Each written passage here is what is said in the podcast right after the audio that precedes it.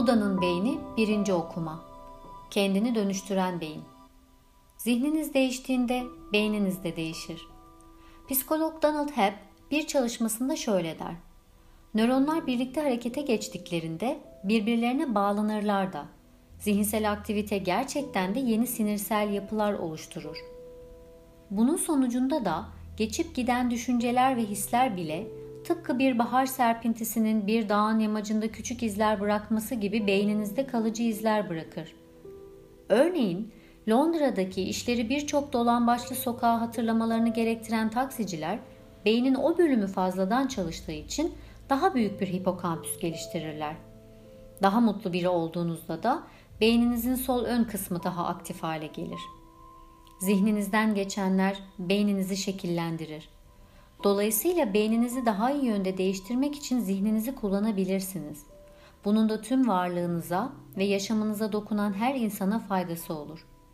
Bu kitap size bunu nasıl yapacağınızı göstermeye hedefliyor. Zihin mutlu, şefkatli ve bilge olduğunda beynin ne yaptığını öğreneceksiniz. Ayrıca bu beyin durumlarını aktive etmek, her defasında biraz daha güçlendirmek için pek çok yöntem göreceksiniz. Bu da size daha mutlu bir ruh hali, tatminkar ilişkiler ve içsel huzur için beyninizi baştan başa yeniden yapılandırma imkanı verecek. Yepyeni bir fırsat. Mikroskopun biyoloji alanında çığır açması gibi geçtiğimiz 10 yıllardaki fonksiyonel MR cihazları dahil yeni araştırma aletleri zihin ve beyin hakkındaki bilimsel bilgileri dramatik biçimde artırmıştır. Bunun sonucunda da artık gündelik yaşamda daha mutlu ve daha etkili olmak için pek çok yola sahibiz. Bu süre içinde derin odaklanma geleneklerine ilgi giderek arttı.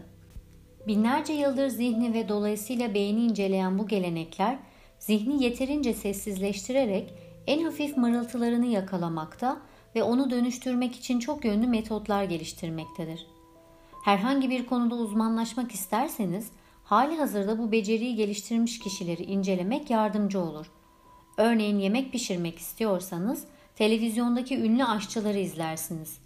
Yani daha mutlu olmak, içsel güç, zihin berraklığı ve huzur istiyorsanız bu özelliklere sahip derin odaklanma pratiği yapan kişilerden bunu öğrenmek mantıklı olur. Derin odaklanma kulağa tuhaf ve yabancı bir şeymiş gibi gelse de meditasyon yaptıysanız, dua ettiyseniz ya da sadece huşu içinde yıldızları izlediyseniz derin odaklanma ve düşünme pratiği yapmışsınız demektir. Dünyada çoğu Hristiyanlık, Musevilik, İslam, Hinduizm ve Budizm gibi büyük dinlerle ilişkilendirilen pek çok derin odaklanma geleneği mevcuttur. Bilim bunlardan en çok Budizmle ilgilenir. Bilim gibi Budizm de insanları inancı doğrudan kabullenmemeye teşvik eder ve Tanrı'ya inanma mecburiyeti yoktur. Aynı zamanda psikolojiye ve nörolojiye gayet uyan detaylı bir zihin modeline de sahiptir. Bu sebeple diğer derin odaklanma geleneklerine de saygı duyduğumuzu belirterek burada özellikle Budist bakış açılarına ve metotlarına yer vereceğiz. Bu disiplinlerin psikoloji, nöroloji ve derin odaklanma pratiği her birini bir daire gibi düşünün. Bunların birleşim bölgesinde yapılan keşifler gelecek vaatlerinin sadece bir başlangıcıdır. Ancak bilim insanları, klinisyenler ve derin düşünme pratiği yapanlar sağlıklı zihin hallerinin temelini oluşturan beyin durumları ve bunları aktive etmenin yolları hakkında hali hazırda oldukça fazla bilgi edinmişlerdir. Bu önemli keşifler size zihninizi etkilemek adına büyük bir beceri sunmaktadır. Bu beceriyi herhangi bir sıkıntı veya fonksiyon bozukluğunu azaltmak, mutluluğu artırmak ve spiritüel pratiği desteklemek için kullanabilirsiniz. Bunlar aydınlanma yolu diyebileceğimiz şeyin başlıca aktiviteleridir ve bizim amacımız da sizi bu yolda ileri taşımak adına beyin bilimini kullanmaktır. Hiçbir kitap size Buda'nın beynini sunamaz.